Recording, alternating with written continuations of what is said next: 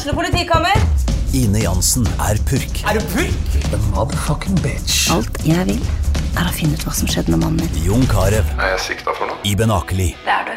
Ole So, Lars Berrum og Big Daddy Karsten. Hvem sin side er du på, egentlig? Anette Hoff, Tone Danielsen, Kommer du fra Afrika? Jørnis Josef, Nesten. Kløfta. Trond Espen Seim, Det er synd å si det, men det var feil mann som døde. Purk. Premiere tirsdag på TV2 Play.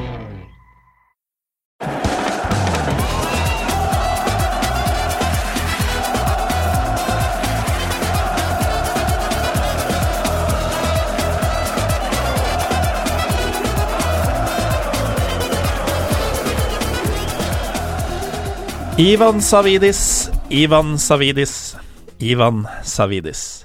Dette er et navn de færreste av dere, og også jeg, eh, kjente til før helga som gikk. Før det gikk noen virale bilder fra en gresk eh, fotballkamp av en klubbpresident, omringet av livvakter, ut på banen for å snakke med dommeren. Denne klubbpresidenten hadde i tillegg til livvakter en pistol i hylster eh, rundt eh, beltet sitt. Han er president i PAOK, en klubb som har hatt eh, både én og to skandaler i løpet av bare noen få uker. Vi må rett og slett ta tak i Hellas igjen, selv om det ikke er så lenge siden sist. Og Jørgos Karampala... Faen! Karampakalis, velkommen tilbake.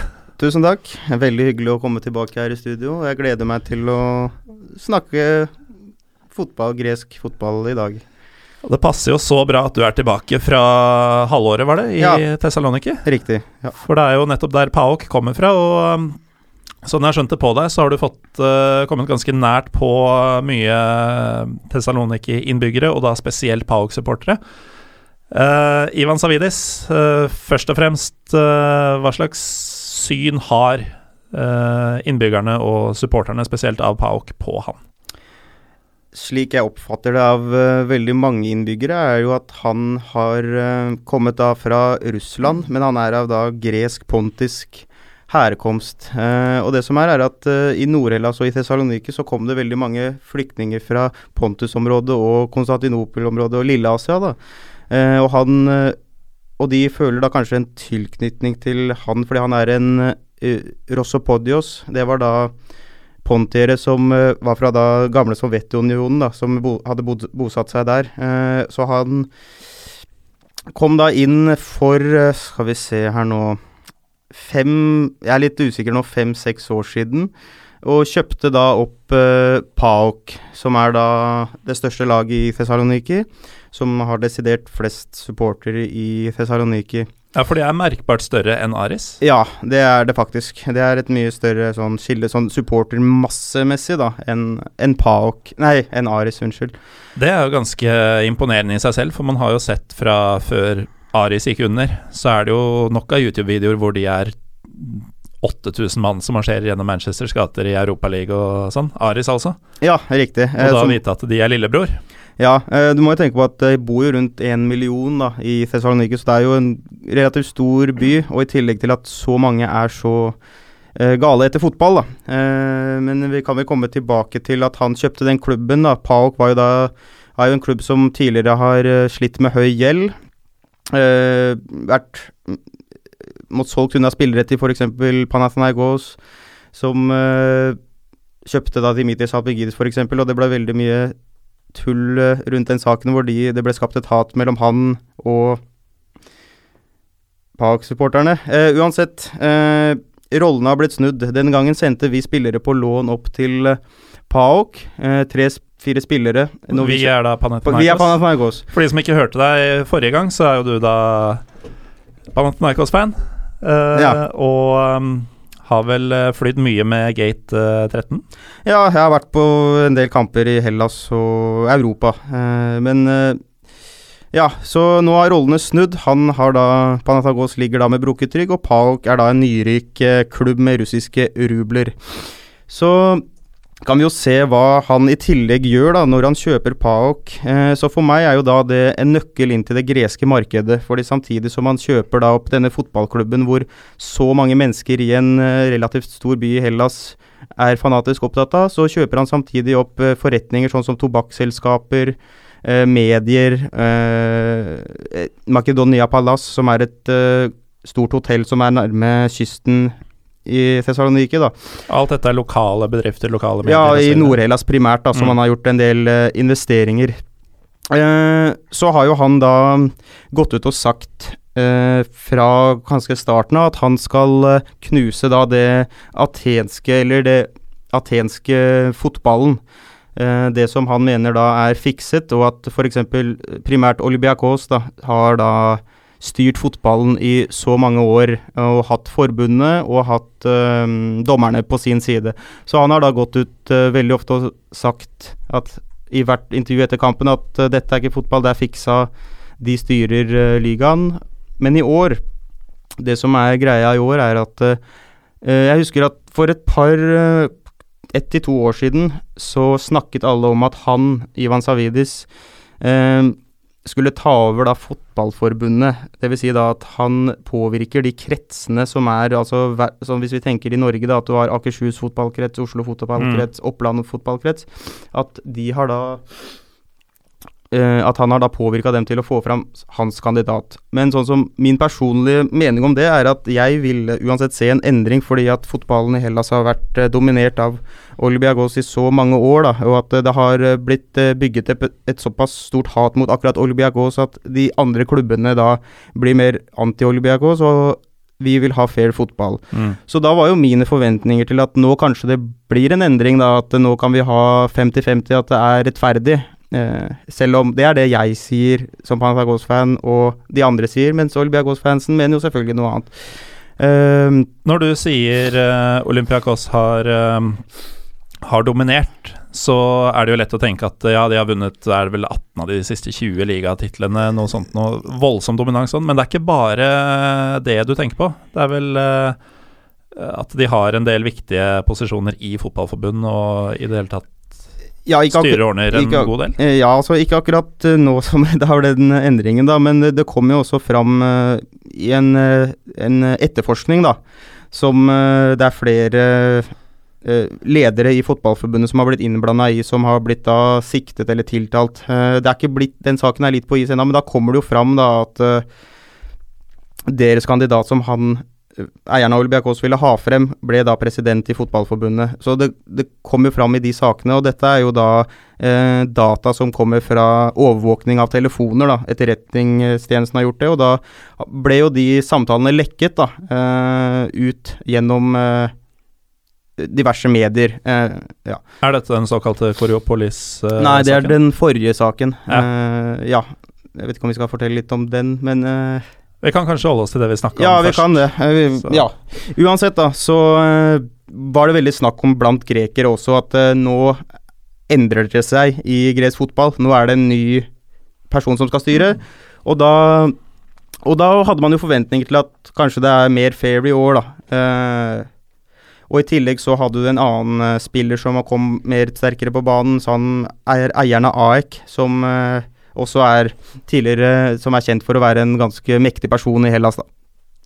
Ja, for det, det er jo litt pussig at det er akkurat de to klubbene man snakker om eh, i så måte. For det er jo nettopp de to som har eh, ligget og kniva tilsynelatende om ligagullet nesten hele sesongen. Og det er jo veldig mye som har tyda på, i hvert fall inntil nylig, at eh, det blir en ny ligamester eh, omsider. Ja, nå, nå er jeg litt usikker igjen, fordi det, det har vært så veldig mye sanksjoner nå den siste, Denne sesongen har det vært veldig mange sanksjoner. F.eks. Olbiakos fikk minus tre poeng etter de tapte for AEK hjemme, Mm. hvor det var noen supportere som stormet banen da, og angrep, eh, angrep politiet, f.eks. Og da fikk Olbiakos minus tre poeng for det. Eh, AEK har ikke fått noe minus i år, så vidt jeg husker. PAOK fikk jo da minus tre for den hendelsen som skjedde i forkant av den eh, AEK Nei, unnskyld, PAOK, eh, AEK-kampen. Det var eh, PAOK Olympiakos. Eh, dette var jo egentlig da sjansen til PAOK for å virkelig vise at de var eh, best og skulle knuse Olympiakos, fordi nå lå dem over dem, og de skulle ta seriegullet. Ja. Eh, og så blir ikke kampen spilt i det hele tatt, fordi at treneren til Olbiagos, Oscar Garcia, får en sånn eh, kvitteringsrull TIFO-effekt i ansiktet. En og da kasterull, rett og slett. Ja, og- Papirrull. ja, uh, og da beordrer da eh, Det er vel uh, Savas Theodoridis, uh, spilleren av banen. Dommeren? Nei, dette er da Det er vel visepresidenten i Olbiagos. Jeg vet ikke hvilken offisiell tittel han har nå, da, men det er faren til han som er Uefa, eh, Theodoris Theodoridis, da. Uansett. Så var det Olympiakos selv som eh, holdt på å si avlyste kampen? Ja, de beordret spillerne av banen, da. Ja. Og så, etter det, så fikk jo da ble det jo straff. Eh, det som kom ut av straffen, var jo det at eh, PAOK fikk minus tre poeng, og de taper kampen da 3-0 eh, 0-3 for Olympiakos på papiret. Men det er jo absurd, da, når eh, Det sier jo litt kanskje om eh, hvordan maktforholdet har vært i gresk fotball, når et lag rett og slett kan velge å ta sitt eget lag av banen uh, pga. det som uh, tross alt er en filleting. Det er en papirrull, uh, og det er en type papirrull som hives mot banen uansett. Uh, og så er det da det andre laget som var innstilt på å spille kampen, som blir straffa. Ja, litt interessant det du sier der nå. Altså, Hvis man ikke dukker opp til en match, så taper man jo på walkover i alle andre. ja, eh, det som er interessant der, er jo at eh, du, det finnes faktisk videoer av det, at det er én person som tilsiktet kaster han på mot han, da. Det er en video av det. Det var ikke sånn at det, det falt masse greier ut på banen akkurat i det tidspunktet. Eh, uansett, da. Så det var tydeligvis nok da. Eh, men for meg, da eh, Jeg Olympiakos er jo min erkefiende, men for meg så blir det sånn Paok i fjor så er det sånn at uh, fram til i fjor i mange år var det playoff-system da, mellom andreplassen til femteplassen om hvem som skal komme til Champions League, hvem som skal komme til Europa League-kvalifiseringen.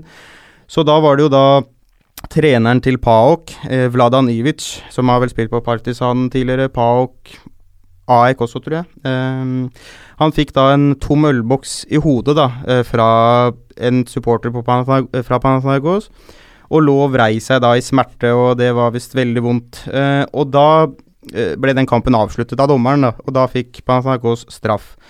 Og så da var jo PAOK pusha på at uh, vi skulle straffes for det, ikke sant? Og da blir Mm. det sånn Nå skjedde det med dere, mens dere tar ikke den straffa. Og det som har skjedd da i ettertid, er jo at PAOK fikk tilbake de tre poengene. De minuspoengene ble annullert. Også, men kampen er fortsatt 0-3, da. Men det som er interessant sånn sett da, er å se hvordan de PAOK-supporterne reagerte på det. For de gikk jo ut i gatene og demonstrerte for å få disse poengene tilbake. De hadde visst gått til flyplassen i Thessaloniki og stoppa der. Og de hadde gått til tog... eh, Hva heter det? Togstasjonen. Stoppa tog. De hadde liksom gått forskjellige steder da og stoppa pub, eh, eh, public transport. Ja, kollektivtrafikk. Ja, kollektive trafikker og sånne ting, da. Så da ser du også hvilken makt det har på folk, da, at han kan, de kan faktisk stoppe sånne ting. Mm. Ja, ja, så det var jo da egentlig forløpet til denne episoden her, da. Ja, dette er jo bare Den- få uker tilbake. Ja, jeg, det, vent litt. Tre-fire Ja, fordi dette var jo Det, var, eh, det er jo hjemmekamp, bortekamp, hjemmekamp. Så da var det hjemmekamp PAOK Olympiakos. Og så var det Asteras Tripolis PAOK og AI, eh, PAOK AI. Ja, og da ble det jo enda mye villere enn en kasterull. Det, eh, bare ta den Olympiakos-matchen først. Ja. Oscar Garcia, altså spansk eh, fotballspiller fra 90-tallet av den gamle skolen, hvor det eh, spesielt engelskmenn da, og nordeuropeere tenkte at de som faller lett og kaster seg og filmer, det er stort sett eh, latinerne.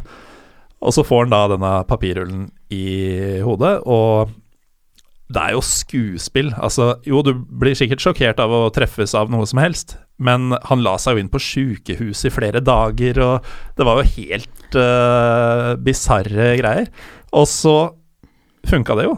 Ja, jeg er helt enig i at det her er uh, på en måte Det er bisart. Alle vet jo at han ikke ble skada av det der. Men eh, du må tenke på det at uh, dette her gagner Olbiakos veldig mye. At det der skjedde. Og de utnytter det til det makse. Du så, sånn som jeg fortalte litt tidligere før vi starta, at eh, de har eh, vunnet kamper uten å ha spilt før også. Mm. Men det blir jo sånn at man faller i den eh, fella hver gang. Og det er sånn, vær så snill, bare ikke fall i den fella. Så da kan du jo si at de har tapt dette selv, fordi det er jo Den kommer fra en PAOK-fan i ansiktet hans faktisk. Ja, og man kjenner man- til historikken på sånne ting. Helt riktig. Så det blir jo at man, man faller da i fella hver gang, og det er det jeg syns det er veldig irriterende, da. Og da blir det litt sånn, skal vi skylde på alt det andre hele tiden? Man kan liksom diskutere seg i hjel, hva som er rett, har han filma, har han ikke, men sånn alt, Når alt kommer til alt, så Mm. er det det som er faktisk skjedd, og det skal jo ikke skje. Uansett på en fotballbane, mener jeg, da. Men så spoler vi da fram eh, et par uker til eh, helgas eh, enda mer bisarre hendelser. Det mest bisarre jeg har sett, tror jeg, faktisk. Ja, det er noe av det rareste jeg har sett på en fotballbane. Uh, Paok Aek, var det? Riktig. Uh, derby di di Kefalon. Det er de tohodenes ørn derby. Eh, Ja, selvfølgelig. Ja. Uansett, uh, jeg jobba den dagen, så jeg så ikke kampen, men jeg fulgte med på live, da. Så driver jo uh, faren min og spør ja, åssen går det med kampen, han vil jo er nysgjerrig. Jeg bare ja, nå ble det mål til Pauk. Nei, det ble ikke mål til Pauk. Ja, det ble mål til Pauk. Og så bare For eh, de som ikke har fått med seg, så var det jo en ball i mål. Uh, og så var det dommeravgjørelser fram og tilbake hvorvidt den skulle godkjennes. Helt riktig. Det som skjedde, var jo at det var en innleggssituasjon hvor eh, PAOK-spilleren nikka mot mål, så var det en spiller som uh, visstnok befant seg i offside-posisjon, og var det snakk om han, om han eh, Hva heter det? Påvirka spillet. Påvirka spillet eller ikke, da. Eh, så først så godkjente dommeren scoringen, og så begynte AEK-spillerne eh, å eh, gå mot og protestere mot dommeren, og da underkjente han scoringen plutselig. Og, Og- det i seg selv er provoserende. Ja, Fordi er det én ting som ikke skal funke, så er det å klage til dommeren. Ja. Eh, men eh, det var altså Folk diskuterer jo ennå om det var riktig eller galt, for det er en veldig vanskelig situasjon også, om det Mm. er riktig eller galt. Uh, uansett, da, så spiller ikke det noen rolle for meg akkurat nå om det var riktig avgjort eller ikke. Og da stormer han uh, Ivan Savidis, som vi tidligere snakka om her, uh, russerpontieren, ut på banen. Først med en jakke på seg, og da beordrer han spillerne sine av banen. Og da var det da kapteinen til PAOK, Vieirinha, eh, som har spilt bl.a. på Wolfsburg, for de som eh, følger tysk fotball. Han sa da Han eh, pekte til han sa nei, det, de skal spille ferdig. Han mente at de skulle bli på banen, men han beordra da spillerne av banen. Så er det disse bildene i etterkant som kommer fram, da. Når han går ut på banen en gang til, og da ser man at han har da det våpenet i Hva heter det? I I buksekanten, da. Ja, og da bare Når jeg så det, da tenkte jeg Det er ferdig. Nå er det nok. Nå rakner fotballen. Jeg liksom. tenker at nå er det ikke noe vits å holde på med det her lenger. Eh, sånn som eh, jeg har blitt sint av fotball, jeg har, av, av alt jeg har opplevd. Jeg har blitt lei meg, jeg har blitt skuffa. Eh, det er så mange følelser som fotball får på deg som er supporter da, med laget ditt. Men akkurat den følelsen jeg fikk der, var at jeg ble fysisk kvalm og mista matlysten, fordi det var så ekte. Dette er ikke en konspirasjon, som man snakker om alle disse rettssakene om. Det blir så fjernt med alle de samtalene om hva- man liksom hører om som foregår bak Mm. scenen. Dette er åpent litt foran alle, og da bare Når jeg ser der, så er det sånn at nå er det for langt. Nå kan, du, nå kan vi bare legge ned hele dritten, syns jeg da. Og, når man i tillegg vet om alle disse sakene i bakhånd, og hvor mye dritt som ligger i fotballen, så mener jeg da at nå må det virkelig radikale endringer til for å eh, røske opp i alt. Og om det tar tre år eller fire år, det bryr jeg meg ikke noe om. Bare at vi har et fotballprodukt som er troverdig igjen. Fordi det her er så vi snakker aldri om fotball lenger. Vi, hva, er det noe vits å snakke om hvem som vant den og den kampen lenger, når det er det her som foregår bak scenen, og det er det som gjør meg veldig sint, da. Og at disse veldig rike folkene skal ødelegge da gleden for så mange mennesker som faktisk bryr seg om klubben, som bruker sine penger på å dra på kampene her. Tenk alle de som var på PAOK sin hjemmearena som ikke fikk sett disse kamp... F.eks. den mot Olympiakos, fikk ikke sett den kampen. Ikke sant? Så eh, jeg føler nå er litt nok er nok. Nå, nå holder det. Nå, Siste tvilen om at det er gangsterne som styrer, den forsvinner liksom når klubbpresidenten kommer inn på banen Ja. med våpen. Ja, det, det, det, som jeg sa, da, det, det, er det er så ekte. Det er det det er. Det er så ekte. Mm. Og da blir man litt redd, på en måte òg, da. Du, du ser jo spillerne Oi, han har våpen med seg. Ja, det er litt som å, kanskje litt som å se en uh, god thriller hvor uh, du merker at det er noe off med uh, den og den personen lenge, og så bygger du opp den spenninga en stund, og så plutselig så bare kaster han maska eller hansken Og så kommer det virkelige monsteret fram. Det er litt det ja. som har skjedd her, kanskje. Ja, på en måte, men man For meg ble jeg også skuffa fordi at jeg hadde forhåpninger at han kanskje ville ha en ren fotball.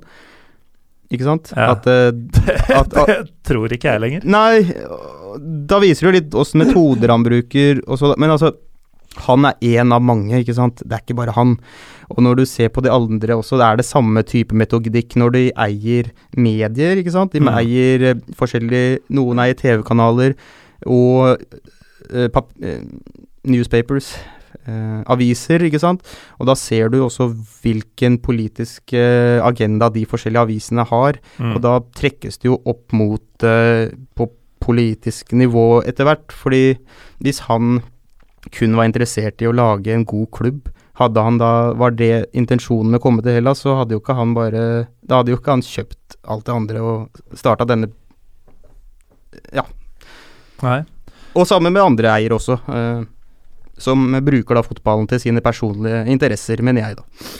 Ja, for det har jo vært tilfeller, tilfeller, tilfeller av lignende tidligere. Eh, disse gutta Marinakis og Moralis eh, i Pireus f.eks. har vel eh, gått langt i å blande politikk og fotball og påvirkningskraft i diverse kanaler. Ja, det stemmer jo det. Nå, når du, når du blir borgermester i en, eh, i en kommune, så Og det er eier av et fotballag, og han er på en banner på stadion, så er det jo klart at det er en connection der, da. En sånn avgudsdyrkelse, nærmest, i noen av disse tilfellene.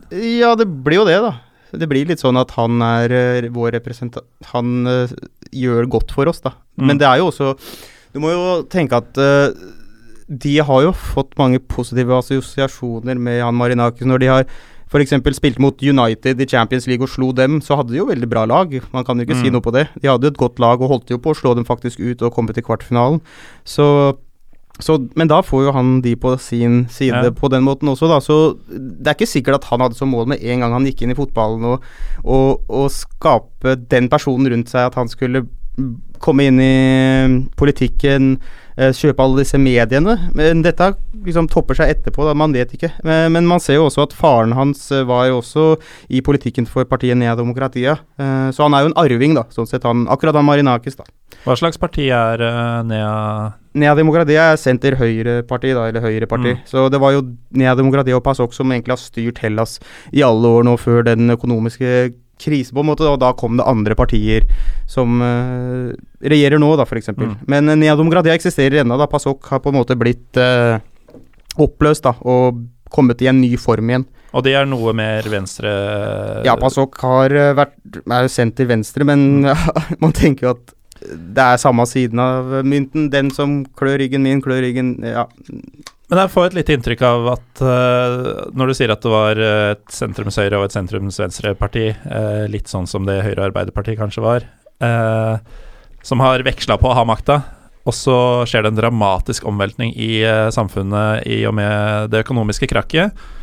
Politikken vet vi har utagert siden. Ekstreme partier i begge retninger har blomstra.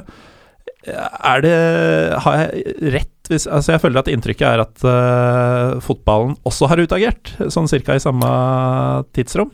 Ja, For det, det virker villere, det du snakker om uh, Altså med Ivan Savidis, men også tilbake til denne Koriopolis-skandalen, er jo også fra etter det verste krakket. ja, eh, sånn, men den Koriopolis-skandalen er jo mest, mest kampfiksing, da. Men det som er nå, er at det er så totalitært i forhold til hvilke medier som støtter hvilke partier. Og nå er det jo sånn at når du har hatt den eh, endringen i det politiske landskapet, så er det jo nå, nå skal eh, nye eh, ting deles ut. Nå er det en kamp om hvem som skal få den makta og den nye makta, ikke sant. Og da eh, bruker jo disse disse oligarkene sine metoder for å støtte det partiet, for å få sine fordeler i forhold til sine forretninger igjen, ikke sant.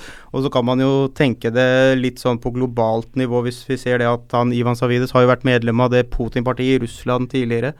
Og så er det jo litt interessant å se sånn videre i Pireus, som er eh, en havneby eh, i Hellas som er veldig viktig. Eh, gresk handelsflåte er jo en av de største i verden. Og så kineserne leaser jo den eh, nå og da hvis du ser sånn hva Kina driver med, leaser den, og så skal de ha en ny vei inn til Kina med deres shippinggreier. Så dette går liksom Alt henger sammen, da, på sånn syk måte, hvis du skjønner. Altså det er en link da, mellom uh, samfunnet generelt og ned i fotballen? ja, ja, helt klart. Mm. Så, I hvert fall altså, på disse nivåene til disse folkene her som er såpass mektige, har så politisk innflytelse og uh, så mye penger og verdier, da, så blir det jo helt naturlig at de har uh, ja, at det her henger i hop. Mm. Og det er jo sånn ofte når Hvis jeg er med noen kompiser i Hellas, og så bare sier de ja, hva snakker dere om? nå snakker vi om politikk Ja, dere starta å snakke om fotball, eller? Fordi du begynner å snakke om én ting, og så bare dras det ut til uh, uendelig. Men uh, disse klubbpresidentene har tydeligvis uh, enorme posisjoner, da. Uh, jeg kjenner selv fra Og dette nå minner om sist du var med, for nå skal jeg dra inn en Tyrkia-parallell her, men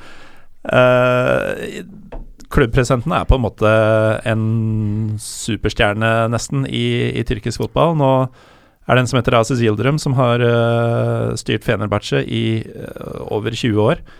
Uh, blitt beskyldt for å bl.a. drive med svart våpensmugling til diverse militser rundt omkring i Midtøsten og sånn. Aldri ordentlig slått tilbake mot de ryktene, nesten bare tia dem i hjel. men helt åpenbart en litt shady karakter, da. Og så, når da en ny trener kommer til, ikke lykkes, Galatasaray tar et nytt ligagull i stedet så er det han som er problemet. Det er ikke spillerne, det er ikke treneren, det er eh, presidenten som har gjort alt gærent. Uh, og nå ser det omsider ut da, til at det skal bli eh, en ordentlig motstander i det kommende valget i Fenerbahçe, i Ali Koc. En annen uh, forretningsmann, en mektig forretningsfyr han også, antagelig ikke rare forskjellen. Uh, men jeg ser over sosiale medier at det er så mye sånn hashtags Ali Koc er vår mann og Sånne type ting. da, og hvilken forskjell kommer det til å gjøre, liksom? Det kommer til å være samme dritten i ny pakke. Det, er, det, er, akkurat det det er. Og det er derfor, det er derfor jeg Jeg skjønner ikke at folk lar seg lure hver gang. Ja, det er, det er jo da, sånn som vi snakka om litt sist med disse mediene, at det er jo det er en lang prosess med Skal vi si hjernevasking, da.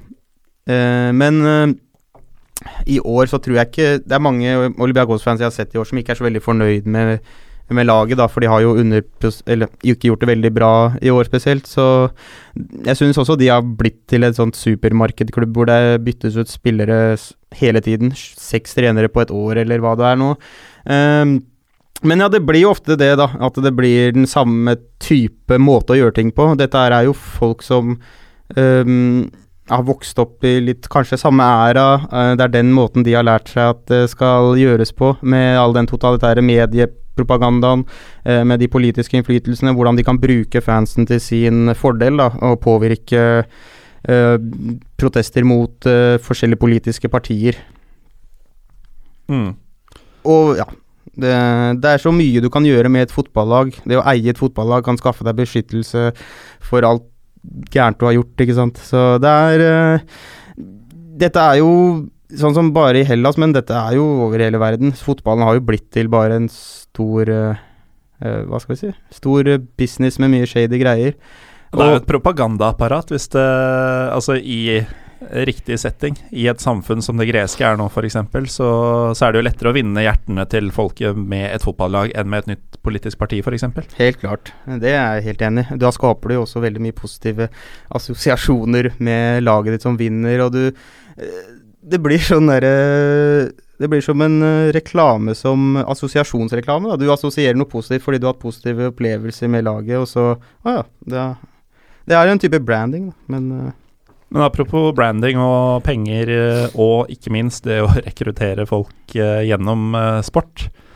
Du har nevnt for meg såkalt profesjonelle fans. Ja. At det er en greie som fins i Hellas. Ja, det er litt morsomt. Det kan være morsomt, men det kan også være litt teit. Um, kan, det er en veldig nær bekjent av meg da, som fortalte meg det at han hadde um, en president eller eier av et andredivisjons basketballag Uh, hadde da spurt han og noen flere da, flere ganger, men det var én gang han kompisen min var med på det, at uh, får 50, dere får 50 euro, så drar dere på den kampen her. Synger litt for laget, banner litt på dommeren, har litt truende oppførsel da, for å påvirke dommerne og i den kampen. Men de tapte, da, det laget. Men uh, da ser du sånn hvor patetisk det er. Og så har det jo også vært uh, ting som skjer at en kamp f.eks. i en lav divisjon blir stoppa. Plutselig skjer det noen episoder på den kampen. så det kan jo det være veldig at noen har betalt noen hooligans for å stoppe den kampen.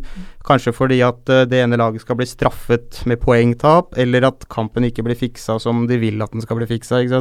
Og det her uh, har kommet fram på noen av de um, uh, rettssakene, eller de Hva heter det? Sakene, da. kriminalsakene. ja, men hvor mye som brukes til bevis og kan kobles opp riktig, og at folk blir dømt, det, vet, det skjer jo ikke alltid heller. Men eh, noen av disse har da altså utgitt seg for å være tilhengere av ett lag og lagd kvalm ja, for kan, å stille det laget det, Eller bare Eller komme utenifra og gjøre det. Ja. Det er uh, Ja, det er uh, mange måter. Men det er, det, er, litt sånn pil råttent over hele miljøet, da, kan du si. Det er det helt åpenbart.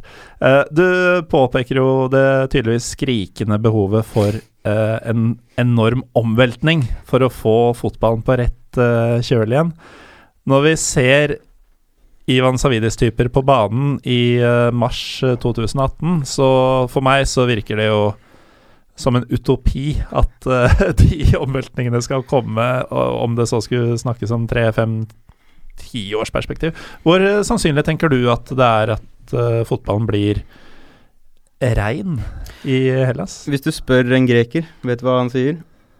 Han sier så lenge det går an å spille på kampene, så kommer fotballen aldri til å bli rein. Ikke sant? Ja, og det er jeg enig i. Så lenge du, det går an å tjene penger på å fikse en kamp, så, så det, kommer det aldri til å bli helt rent, da. Men uh, det fins grenser òg, da. Det, dritt fins det overalt, men uh, så lenge det går an, så tror ikke de at det blir reint, da. Nei. Det er ikke noe tro på det. Men uh, du, da. Du har jo uh, på en måte satt fingeren på problemet. Og i og med at det er disse folka, denne kulturen, som er roten til at alt annet blir skittent. Hvis du og ikke andre grekere skal håper å si, slikke på fingeren, kjenne på vinden hva, hva kan gjøres? Eller hvor, hvor ah ja, det er Jeg vet ikke hva jeg skal si engang. Hva kan gjøres? Blir det bedre eller verre de neste fem åra? Alt Jeg har altså tenkt at nå har de en mulighet til å rydde opp på en eller annen måte her. Men vil de? Jeg vet ikke. Og så kan du tenke sånn politisk sett at dette tar jo bort oppmerksomheten fra mange andre problemer i landet også. At uh, du har jo også mange andre skandaler som kommer i lys uh, for tiden. Uh, Bl.a. et sveitsisk legefirma Novartis som har betalt greske politikere for å sette var et eller annet med prisen på noen legemidler og sånn. Så Novartis, sa du? Ja, Novartis. Ja. De har vært ufine ja, i diverse sammenhenger ja. i mange år, de. Det er mye sveitsiske selskaper som er litt sånn De skal tilsynelatende være så fine og nøytrale, men eh, det er Man må mye... ikke ned til Balkan og nei, nei, The Greater nei. Balkans for All, å alle, de, alle de korrupte på Balkan gjemmer jo pengene sine der, eh, kanskje.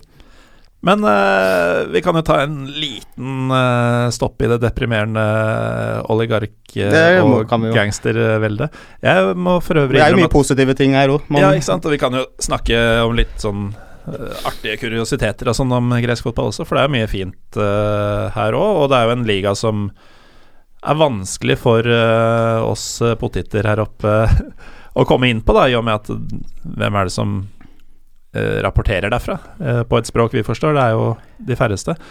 Uh, nevnte så smått litt sånn folkeutveksling og sånn tidligere, og det er jo spennende, fordi jeg hadde en tweet for om det var en eller to uker siden, hvor jeg lagde en quiz. Jeg fant nemlig ut at Apollon Smyrni, en klubb jeg knapt hadde hørt om før La merke til at de het Smirny og tenkte det må jo være Smirna, som da er dagens Izmir. Uh, la jeg ut uh, hvilken uh, superligaklubb i Hellas er fra den uh, tyrkiske byen Ismir, og så fikk jeg Panionios som svar.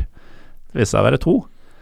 hvilket betyr at du har da PAOK og AEK, som er grunnlagt i Istanbul, eller av Ja, ja av flyktninger fra mm. Konstantinopolis eller Istanbul, da. og da Panionios og Apollon, som ja. er tilsvarende fra Ismir. Mm.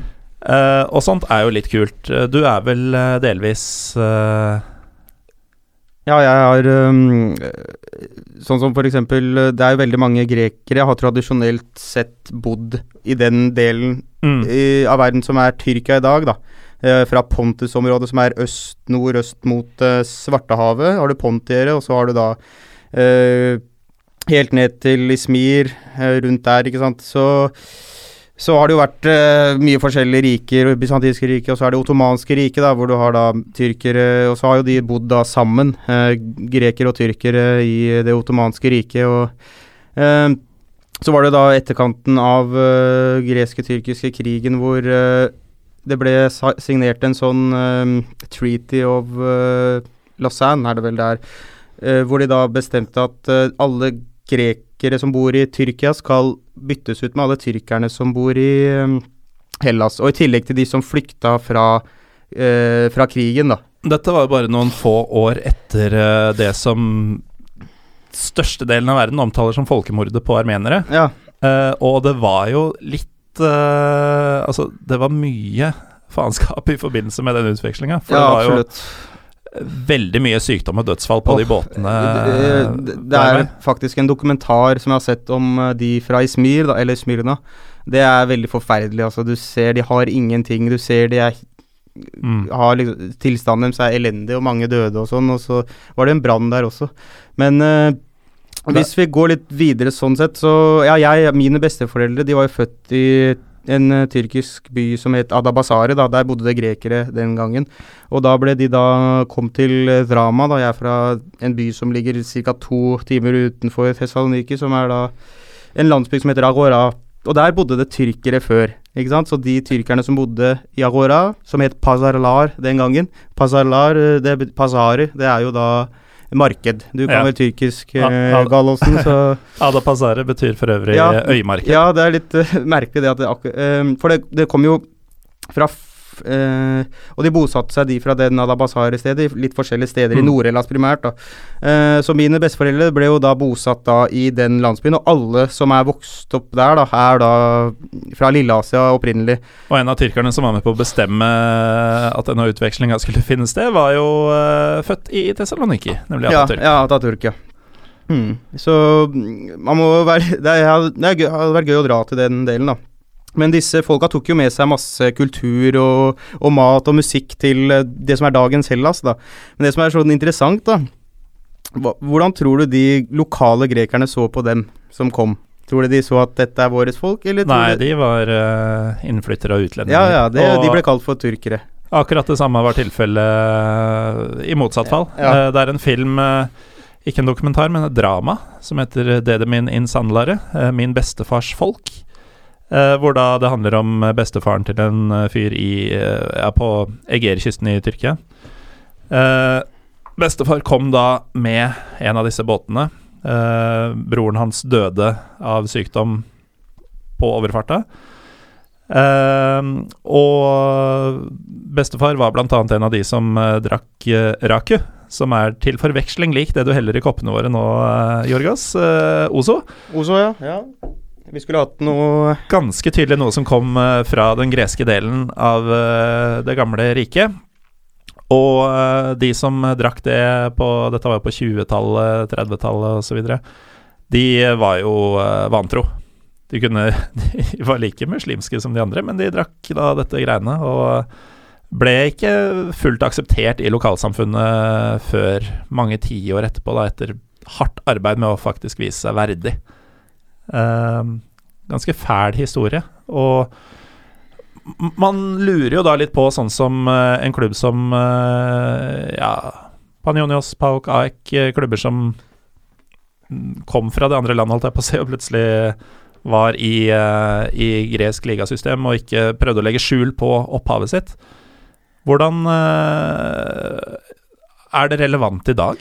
Ja, altså Eh, ja, fordi for eksempel i Thessaloniki så har du jo Iraklis, og de var jo, ble jo Fordi den nordlige delen av Hellas, den eh, var, ble ikke innlemma i Hellas det ble innlemma i Hellas lenge etter eh, frigjøringen fra Det ottomanske riket. Så Iraklis f.eks. var jo da mm, hva heter det, grunnlagt under Det ottomanske riket i Thessaloniki. Mm. Og Aris er jo også da lokal Thessaloniki-klubb. da.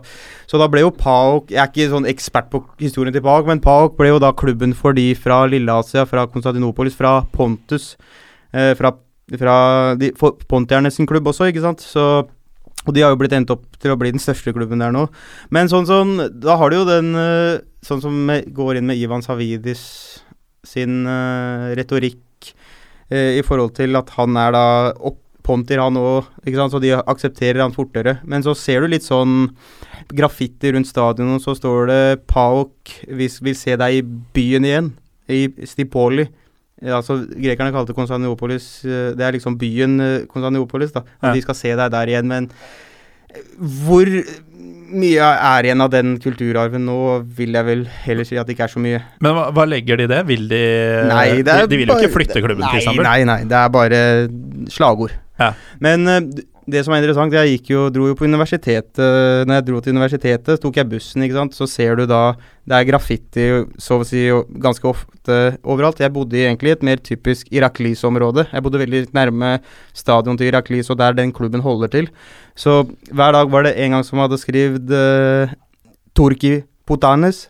Tyrkere horer. Og det var jo da til uh, Er det lov å banne her? Eller si stygge Ja, ja, ja. si stygge ting.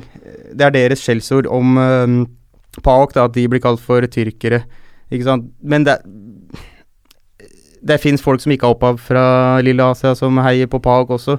Så føler Det er ikke så relevant i dag, syns jeg. Men uh, du kan jo se AEK, f.eks. De bygger jo ny stadion nå. Mm. Og den skal hete det samme som uh, den kirken i Istanbul, Haya Sofia. Oh, ja. Mm, så den stadion skal hete det. Det er fett. Og de er veldig bevisst da på at det er deres herkomst er derfra. Så Mm. hadde de Jeg lurer på om det var drakta deres i fjor. På de numrene bak eh, så var det bilde av de flyktningene som går over, da. Du ser det. Er veldig sånn. Så Og da var det også den eh, saken med de, Saken, hvis du husker uh, Katidis. Det var en spiller som Dette er kanskje noe som har kommet i norsk media òg. Som viste en nazifeiring etter en scoring. Ja. Hvis du husker det. Han uh, tok en sånn eh, Hitler Han hadde ikke så mye hjerneceller, men han ble kasta ut av den klubben med en gang, selvfølgelig. Og da Mm. var det sånn Vi er AEK. Vi er, vi er ikke nazi. Fordi vi er Vi er opphav Vi er flyktninger. Vi har opplevd rasisme. Vi er anti det der greiene der, ikke sant. Det er det AEK betyr. Ja, ganske sterk uh, antifa-bevegelse også innad i AEK. Ja, de er mer supporter- den type retning, ja. Mm. Men jeg tror det finnes noen fascister der, men det er veldig lite. Men uh, de er den type. Det var jo AEK spilte jo mot Dynamo Kiev, og da hadde de et svært anti-nazi-banner mot dem, da, for de er vel kjent for å kanskje ha, ha litt annen uh, retning.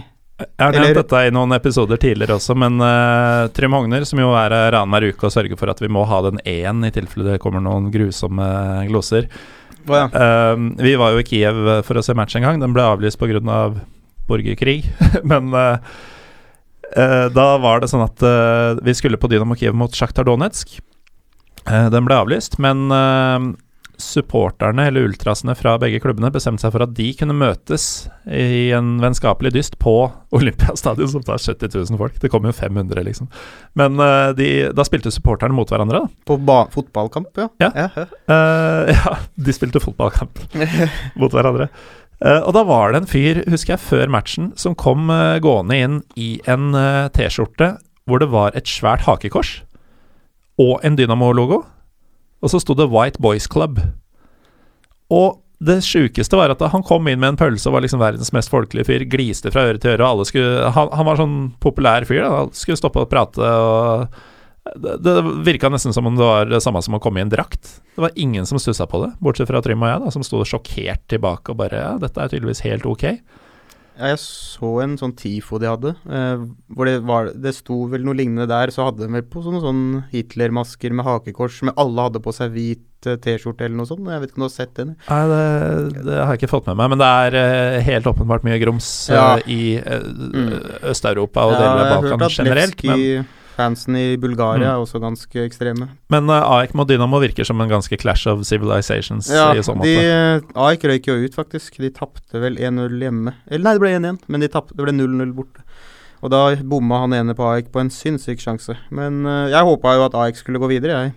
Så, På grunn av uh, politikken, eller fordi de er greske? Fordi de er greske. Jeg, altså, jeg husker når jeg var liten, når jeg var ung, tenkte jeg aldri på de tingene. Bare et gresk Hvis et gresk lag spilte på TV-en, så ville jeg at det skulle vinne. Da var det liksom før alle de der eh, Fanatiseringen kommer inn, da. Så Ja. tenkte jeg liksom aldri på at uh, de har gjort det mot dem, og de gjorde det den gangen, og de tingene der, og vi hater dem for det. Da var det sånn til, Du hadde ikke akkurat tilgang på alt mulig her heller på TV3 når det var eh, den epoken, da.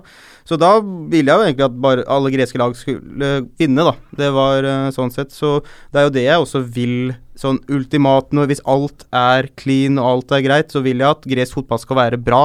Ikke sant? Sånn som jeg nevnte sist episode, at vi kan hevde oss. Fordi jeg er ikke i tvil om at det fins talent i Hellas, og at eh, man kan hvis det, hvis det er under riktig struktur og omstendigheter, for det har vi vist tidligere. Mm. Jeg kjenner meg jo litt igjen, faktisk, fordi jeg også som barn, da Rosenborg sto på som verst Jeg eh, var jo så nervøs når Rosenborg spilte Champions League, selv om jeg ikke holdt med Rosenborg til vanlig. Men jeg, det, var, eh, det var vondt, liksom, for jeg holdt så hardt med dem Ja. i eh, matchene mot eh, si AC Milan og sånn. Mm. Når jeg ser tilbake på det nå, det er så absurd. Ja, Eh, jeg, men det er jo litt trist òg, er det ikke det? Eller er det litt dumt? Nei, jeg, eh, jeg er såpass glad i rivaleri at Ja, ja, ja, eh, selvfølgelig. At, at jeg syns jo det er rart at jeg i det hele tatt tenkte i de baner. Men, men man ser jo fotball på en helt annen måte som ung. Uh, og det er jo mye mer uskyldig, og det er litt enklere, da. Uh, det er uh, Dette vi mot dem-greiene er kanskje til stede, men vi er veldig mange flere enn bare den lille klanen av folk som holder med den samme klubben.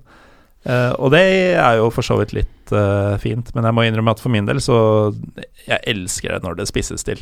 Ja, selvfølgelig. Det, altså, det, det gjør jo en, en dimensjon til det. Det er jo det som gjør at det, det, det er det som tiltrekker deg, at det er litt hat på tribunen og sånne ting. Og spillerne merker det jo også.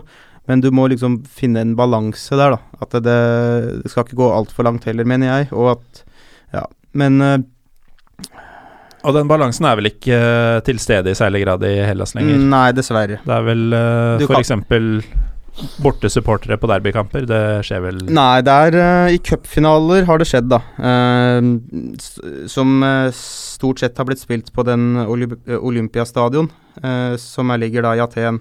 Som jeg snakket om sist, som tar ca. 70 000. Og da pleier de å Uh, Lurer på om de gir 25 000 billetter eller 20 000 billetter til hver klubb, og så er det en svær skilling Mm. mellom de fanskarene, og Så er det politiet imellom. Eh, uh, sist cupfinale ble ikke spilt på den stadion, det ble spilt på en i Volos, var det det var? En by som eh, het, ligger i Hellas. Og der var det jo også PAOK mot AEK, og der, ble, der var det begge fans på tribunen, og da så du ekstrem vold da, mellom fansen eh, før kampen. Og da ser du ganske drøye bilder hvor du ser knivstikking og blod. Dette skjer før kampen, da, og dette førte jo til sanksjoner etterpå for uh, PAOK bl.a. Men da ser du at uh, der uh, gikk det gærent. Men uh, det var jo også diskusjoner om hvorfor skulle vi ha det på den stadion som ikke var klar sikkerhetsmessig for å, for å spilles der. Mm. For da var det jo sånn diskusjoner om at siden eh, AEK er fra Aten og Pauk er fra Thessaloniki, så skulle de møtes på midten, da, siden den byen ligger ca. sentralt i Hellas. Det var eh, da jeg begynte å følge litt med på tyrkisk fotball. Så første sesongen eh, min der, så kom eh, Fenerbahçe til cupfinalen. Det samme gjorde Besjiktas. Og kampen skulle spilles på Olympiastadion, eller Atatürk stadion, er det vel? Ja, er det den, litt, ah, ja, den som Liverpool-Milan var på? Nei, denne ligger i Izmir. Oh, ja! og tar en 60 000-70 000 Ah, okay. tilskuere. Og jeg husker jeg dro på tyrkisk forening på Grønland for å se matchen. Uh, og det som møtte meg, var noe av det kuleste jeg noensinne har sett på en uh, TV-kamp. Fordi det, det var et svært, svært stadion. Sånn gammeldags, svært, bratt uh, Med løpebane, eller var det Ja, det er vel løpebane. Olympiastadion er som det regel. Eh, og så var det liksom Der midtstreken gikk, var nærmest der fargene endra seg på tribunen. Oh, ja. Så på Det var sittepublikum, Ja, det, da. De Så- nøytrale.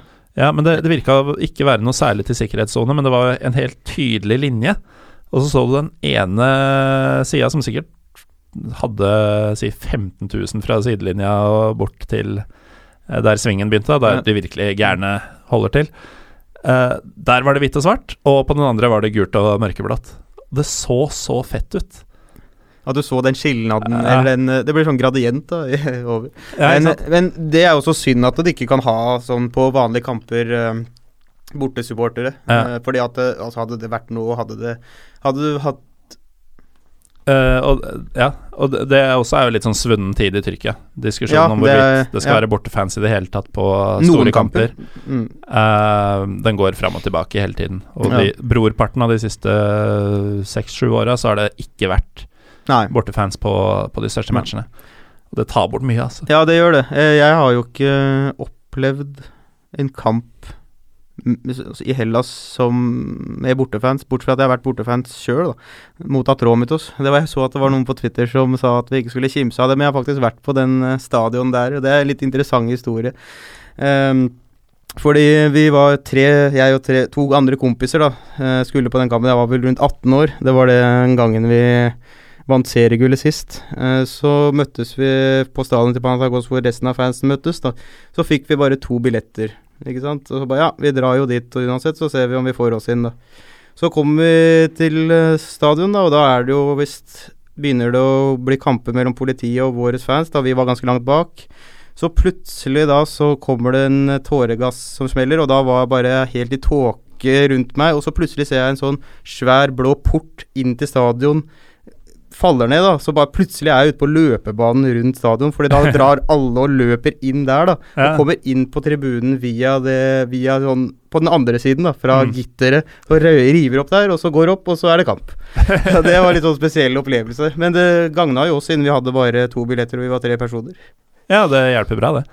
Mm. Uh, men du sa at du kan ikke huske å ha sett bortesupportere på en kamp i Hellas, altså i det hele tatt? Er det sånn at Eller er det bare på derbyen? Eh, det er litt sånn forskjellig, faktisk. Det har jo vært en del bortesupportere på noen kamper. Det er sånn, eh, men det er sånn at noen ganger så sier politiet ja til det, og så er det andre ganger de sier nei til det, at de ikke vil gi ut billetter og sånn. Eh, kan, det var en gang jeg var på en kamp som jeg, det ikke var bortsupport, Da var jeg ganske ung. Jeg var vel 15 år eller noe sånt. Det var i Thessaloniki, faktisk. Det var på bursdagen min. Eh, mange år siden. Så da var jo den alderen du ikke tenkte over disse fanatiske tingene på en måte så i så stor grad. Da var jeg med familien min, da. Så Mm. da gikk jeg rundt i Thessaloniki med Panathinaikos-drakt. Og jeg tenkte ikke noe videre på det, og vi skulle på kamp, ikke sant. Da, så da begynte vi å nærme oss stadion, da. Så kommer en politimann bort til oss, og så sier han du, han må ta av seg den drakta. Og mora mi bare hø, slår de barn også? Og så måtte jeg dekke til drakta, da, og da gikk jeg inn på stadion, og så var det da sånn 20 sånn vanlige Panathinaikos-fans der, da, og bare var der, på en måte. Det var ikke noe organisert, men uh, det er sjeldent at det er uh, Det er ikke så ofte. Men det skjer også. Mot de mindre lagene er det jo selvfølgelig noen ganger, men uh, ja. Det, det er synd at det er sånn, da. At du ikke kan gjennomføre det engang. Og det er helt utenkelig å gjennomføre det i dag. Akkurat nå, fordi de tar jo fyrer opp stemningen så ekstremt disse mellom seg, da, de oligarkene. Det blir jo som at de på en måte skaper sine private armeer som skal eh, slåss mot hverandre og gjøre ditten og datten, så Ja, og her skal vi jo kanskje være glad for at det ikke er mer eh, etniske skillelinjer, fordi uh, dette høres ut som måten det ble operert på, på i gamle Jugoslavia, før det virkelig rakna. Da Arkan f.eks. hadde jo sin paramilitære gjeng godt planta inn i Delier, som er eh, eh, supporterne til Røde Stjerne, blant annet. Eh, rekrutterte sterkt derfra. Uh, men eh, og, og, uansett jeg har jo streifa tanken om at det er sånn i mange år framover kunne ha skjedd, da, kunne det ikke det? At, Ja. Eller sånn at kunne dette skapt en borgerkrig etter hvert? Nei, jeg tror ikke det. Det hadde det ikke gjort. Men sånn derre Nei, men altså Hvis strømningene i samfunnet ellers hadde ligget Ja, til rette for det, så, Sånn så ville det kommunister vært mot fascister, venstrevridde mot Som det har jo vært det tidligere, men eh, ja, det er litt far eh, out, tenker jeg da. Det skjer nok Nei. neppe. Nei, men, det, men, du ser jo hva det får disse folk til å gjøre, da. Mm. Fotballen. Men eh, det streifer så vidt innom eh, noe vi snakka om sist du var her, som ikke nødvendigvis alle som hører på nå, har hørt. Og det er jo at uh, flere av klubbene og Uh, og det var vi for så vidt litt inn på, disse oligarkene. Uh, jeg stussa litt over bruken din av ordet oligark i papirene før, ah, ja, jeg... før vi gikk inn, fordi jeg trodde at det var et ord for disse russiske rikmennene. Ja. Men det er jo faktisk et gresk ord, fant jeg ut. Ja, at det er lite men i hvert fall, disse ja. har jo egne medier. vi snakka om at Savidis har kjøpt litt mediekanaler og sånn i mm, Papir, ja, aviser, da. Ja. ja, ikke sant. At flere av klubbene har jo faktisk sine håper å si, propagandaapparater i, gjennom presse, som, uh, som, gjør at de kan fyre opp uh, såpass uh, mot hverandre. men nok om det. Du har jo vært ganske tydelig på at du sliter litt med å, å, ta ligaen på alvor nå, i og med at det er så mye utenomsportslig som overskygger det eventuelt sportslige. Ja. Eh, ja, så kunne du tenkt deg Han eh, som jeg snak, nevnte så vidt siste episode, han som eier basketballklubben, da, eh, Dimitris Janakopoulos, har jo snakka om at han skal nå kanskje gå inn i fotballaget. Hvilken klubb snakker vi om, da? Panathinaikos ja. sitt basketklubb. Mm. Eieren der har tenkt Sier at han skal muligens gå inn i fotballaget, da. Så om han i tillegg Han har også medier, og han er en sånn som er veldig brautende ut, da, og skaper mm. stemning på en måte pisker opp stemningen, for å si det mildt. Hvis han også er med i miksen, da blir det enda verre. Og så, hvem er det som rykker opp neste år? Aris rykker opp neste år, og da blir det De er sånn, tilbake? De kommer opp neste, eh, neste sesong. De, ligger, de, kommer til å rykke opp. Sweet. Så blir, så blir de i miksen også. Da blir det sånn derre enda verre. Og så kanskje Åfi også, men altså, uansett, da. Men Aris sin eier er faktisk Olympiakos-fan. Han som eier Aris. Ja, helt til han skal begynne å møte Olympiakos. Ja, da får vi se hva som skjer der. Men ja. uh, mye, mye, kaos i uh, skal vi si fotballsamfunnet i Hellas, ja. helt åpenbart. Uh, er serien på vent nå, eller? Ja, regjeringen tok og satt en stopp på serien, da. Mm. Og man vet ikke når den starter igjen. Så, og det er jo, er jo, De snakker også med Fifa og Uefa og disse eksterne organene, eller de Ja. Om, om, de skal banne greske klubber også. Det som er litt interessant, er jo at uh, Fifa og Uefa sier jo det at alle disse forbundene og sånn skal være selvstyrte og ikke ha noe politisk ja. uh, innvirkning, og da banner dem uh, Det var jo også en sak tidligere hvor den forrige sportsministeren prøvde å blande seg inn i forbundet for å rydde opp der, men da kommer Fifa og Uefa og sier at da banner vi greske klubber fra all internasjonal sport. Og da jo, skjedde det ikke så mye videre der, da, men så blir det jo litt sånn korrupte Fifa og Uefa skal si til uh, at korrupte fotballforbundet ikke kan ryddes opp i av det demokratiske valgte regjeringen. Mm. Så det, det er jo ganske absurd. og jeg tror det er mye dritt i de organisasjonene også, også så det Jeg er litt, egentlig litt sånn Blir litt paff på åssen fotballen har blitt, sånn generelt òg. Så fullstendig kaos, altså. Bildene av en bevæpna Ivan Savidis på banen er relativt representativt for uh, situasjonen i, i gresk fotball? Ja, det er virkelig kremen på kaka, for å si det sånn. Og så sitter vi jo her i Norge og um, ser på YouTube-klipp av greske fans Uh, samtidig som våre matcher snør bort, og man ler av Bodø-Glimt-supportere for å være 14 stykker osv. Du, du har noen tanker om uh, norske fotballfans? Ja, jeg syns at uh, Dra på kamp. Støtt laget ditt. Dere har en troverdig liga. En liga som er spennende, ja, spennende i bunn. Du vet ikke hvem som skal rykke ned. Det er en nerve i kampene. Du ser at virkelig lagene er ekte lag, da. Og de skal og verne om det produktet og drit i Ikke tenk så mye på Europa. og Start utvikling lokalt, og dyrk det her. Det er der du skaper opplevelsene. For det er jo Altså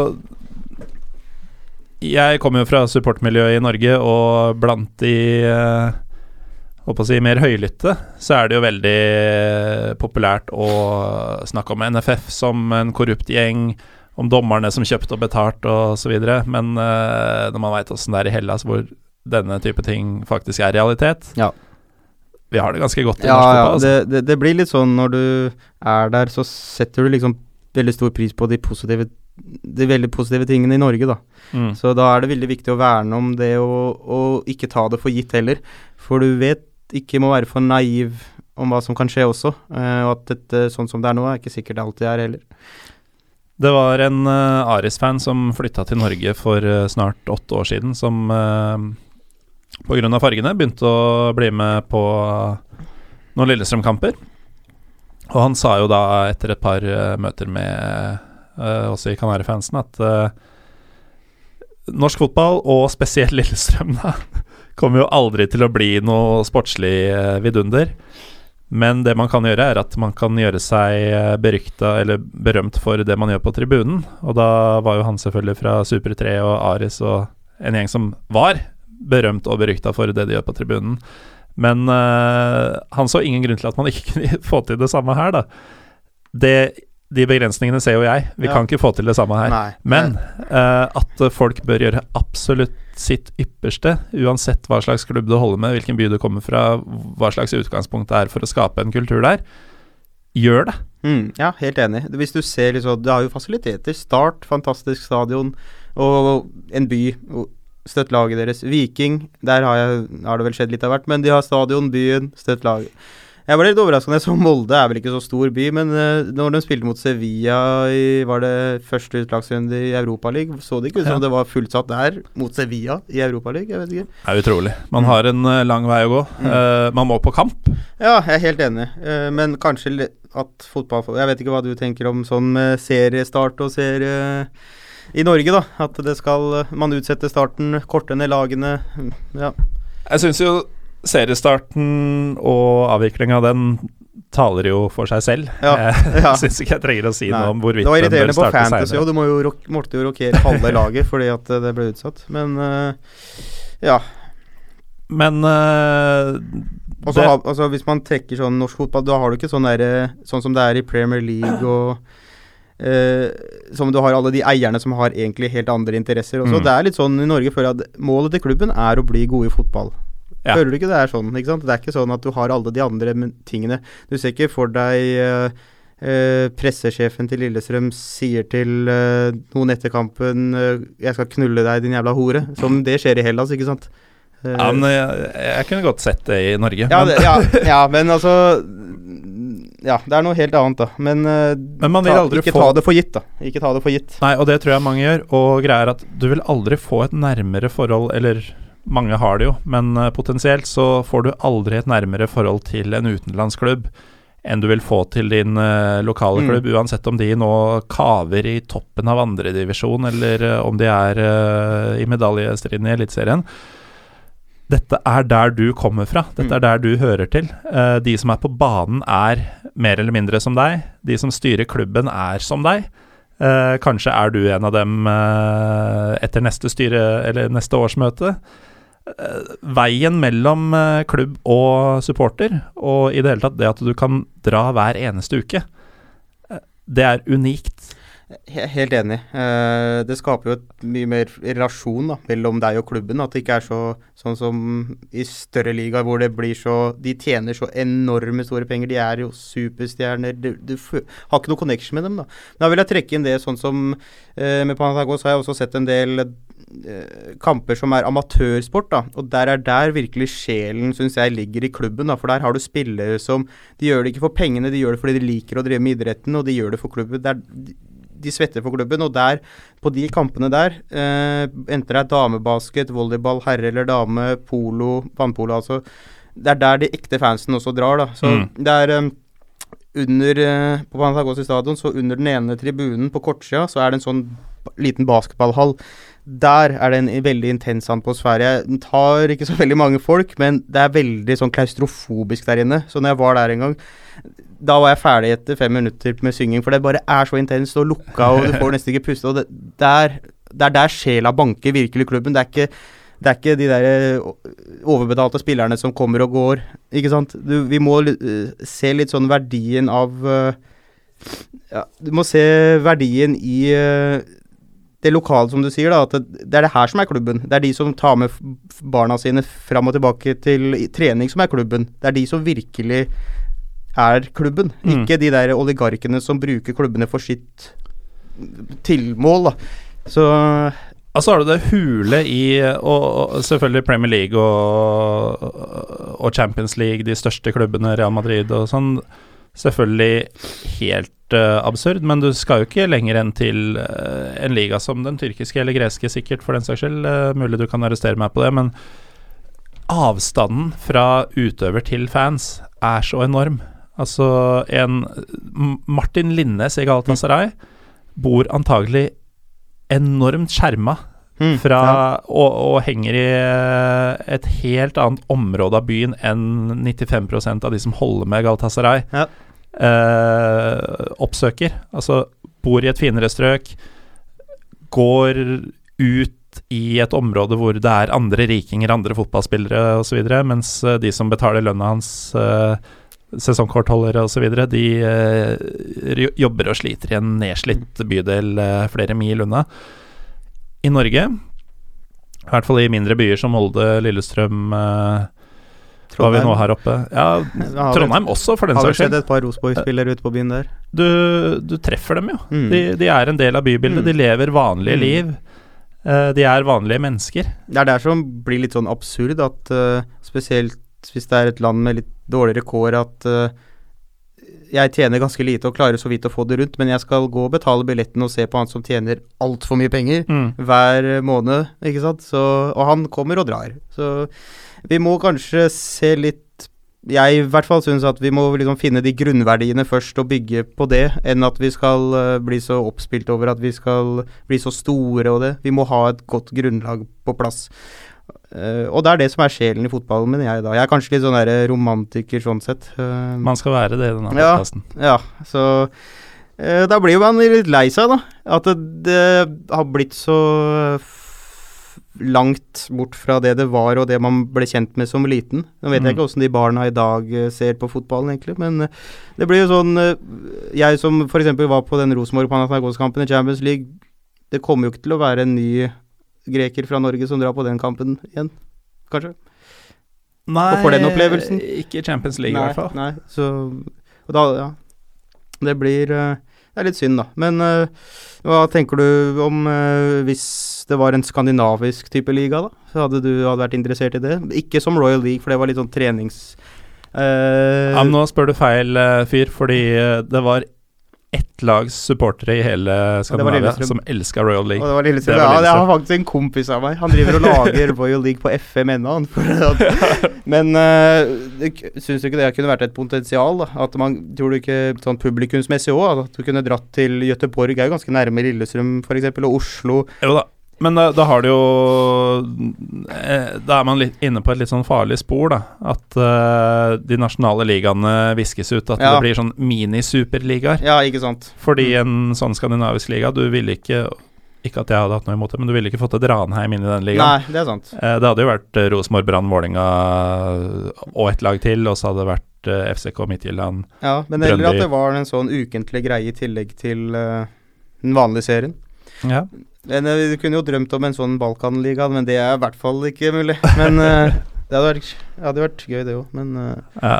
Nei, da, Det er mange morsomme tankeprosjekter ja. av den typen, men jeg tror nok innerst inne at jeg er glad for at, at vi holder oss til nasjonale og lokale. Ja. Det har vel De største klubbene setter vel mye press på Uefa for å få flest mulig lag av dem inn der også. Og mm. har vel trua med å gå ut i en egen europeisk superliga, har de ikke det? Jo, og det Nå er jo alle de topp fem eh, ligaene avgjort, som ja. jeg ser det. Så å fiske ut uh, et par av de beste fra hver av dem, det hadde egentlig ikke gjort noen ting. Nei, nei. Bundesliga hadde vært superfet, hadde det ikke vært for Bayern. Ja, ja. Uh, men nå uh, begynner det å bli en stund siden vi snakka om Hellas. Ja. Uh, føler du at du har fått tømt deg, eller brenner du inne med noe mer? Jeg vet ikke. Jeg vet ikke. Jeg hadde jo en del notater før jeg kom hit. Da, ja, det var voldsomt òg, da. Ja, vi kan vel uh, snakke om uh, EM 2004 var jo gøy. du syns det? Ja, men jeg har jo litt å si der, da. Fordi jeg blei jo så irritert fordi alle var jo så Å, det er bare flaks, og de spiller så kjedelig fotball og sånn. Jeg liker at nordmenn sa det. Ja, og det var jo noen veldig eksperter. Jeg husker det var en ekspert som sa i ettertid at Hellas var liksom den på festen som gikk og tok drikke av andre. Men uh, hvis du liksom Altså, hvis disse såkalte ekspertene hadde vært litt sånn uh, fulgt med litt, da, så hadde jeg jo sett at den greske ligaen lå faktisk på sjetteplass. var Det vel rundt 2002 på den Uefa-koeffisienten. Og da hadde jo Panathinaikos bl.a. vært i kvartfinale mot Barcelona holdt på å gå videre til semifinale, og det var jo stammen av det laget i, i Hellas eh, på det greske landslaget. De her var rutinerte spillere som hadde spilt i Champions League i mange år, ikke sant. Så, og så har du ringreven Rehagel sammen med det, som strukturerte det laget. Han fikk de disip disiplene han ville ha, som var veldig disiplinerte. Det var det han var opptatt av. Um, Disiplinerte disipler? Ja. Um, og så skulle bare si noe. Um, jo, og det som er interessant, da Hvilket lag var det som vant Champions League i den perioden? Var Porto. Ja. ikke sant? Og de hadde vel, vant vel Uefa-cupen uh, året før Champions League, var det ikke det? Jo, jeg tror det. Det, det var i 2003, det. Mm.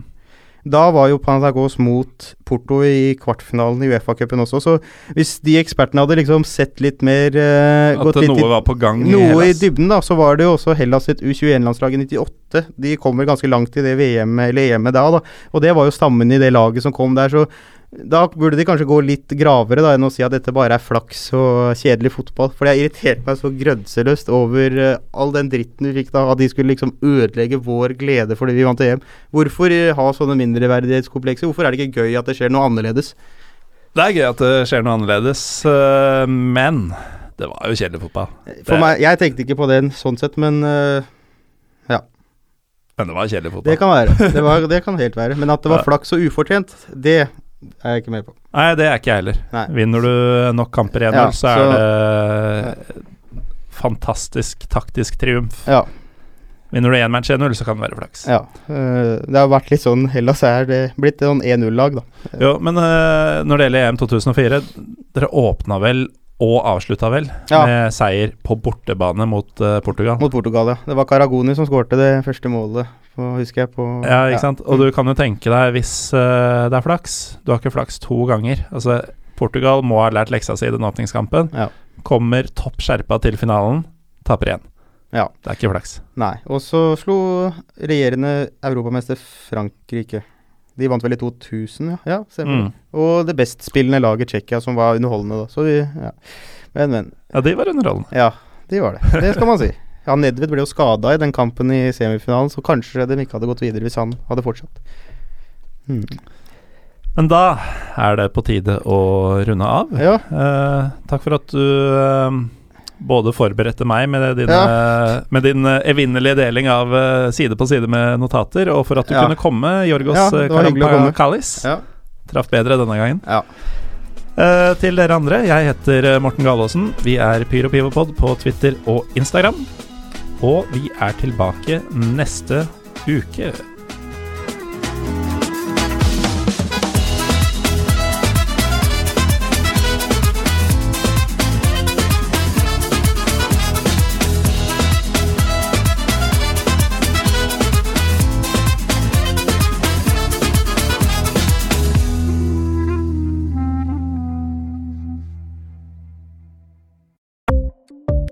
Ukens annonsør er HelloFresh. HelloFresh er verdens ledende matkasseleverandør og kan være redningen i en travel hverdag. Mange av oss har nok vandret i butikken både sultne og uten en plan for middagen, som ender med at vi går for de samme kjedelige rettene gang på gang. Middag burde være dagens høydepunkt. Som HelloFresh kan du nå velge mellom 25 ulike retter hver eneste uke, eller få HelloFresh til å sette sammen menyen for deg. Dette gir deg muligheten til å prøve nye og spennende retter alene eller sammen med familien. Du velger antall porsjoner og får alt levert på døren på et tidspunkt som passer for deg. Oppskriftene er enkle, og maten er lett å lage både for store og for små. Ved å få alt levert hjem får du også mer tid til å dele matgleden med familie og venner. Kanskje det frister med asiatiske tacos eller greskinspirert kylling? Da kan jeg anbefale deg om å gå inn på hellofresh.no. Her kan du bruke koden FOTBALL og få opptil 1779 kroner i rabatt på de første fem matkastene hvis du ikke har prøvd Hello Fresh tidligere. Du kan også bruke rabatten hvis du har vært kunde og stoppet abonnementet ditt for tolv måneder siden eller lengre. Gå inn på hellofresh.no og bruk koden FOTBALL. Har du et enkeltpersonforetak eller en liten bedrift? Da er du sikkert lei av å høre meg snakke om hvor enkelt det er med kvitteringer og bilag i fiken, så vi eh, gir oss her, vi. Fordi vi liker enkelt. Fiken superenkelt regnskap.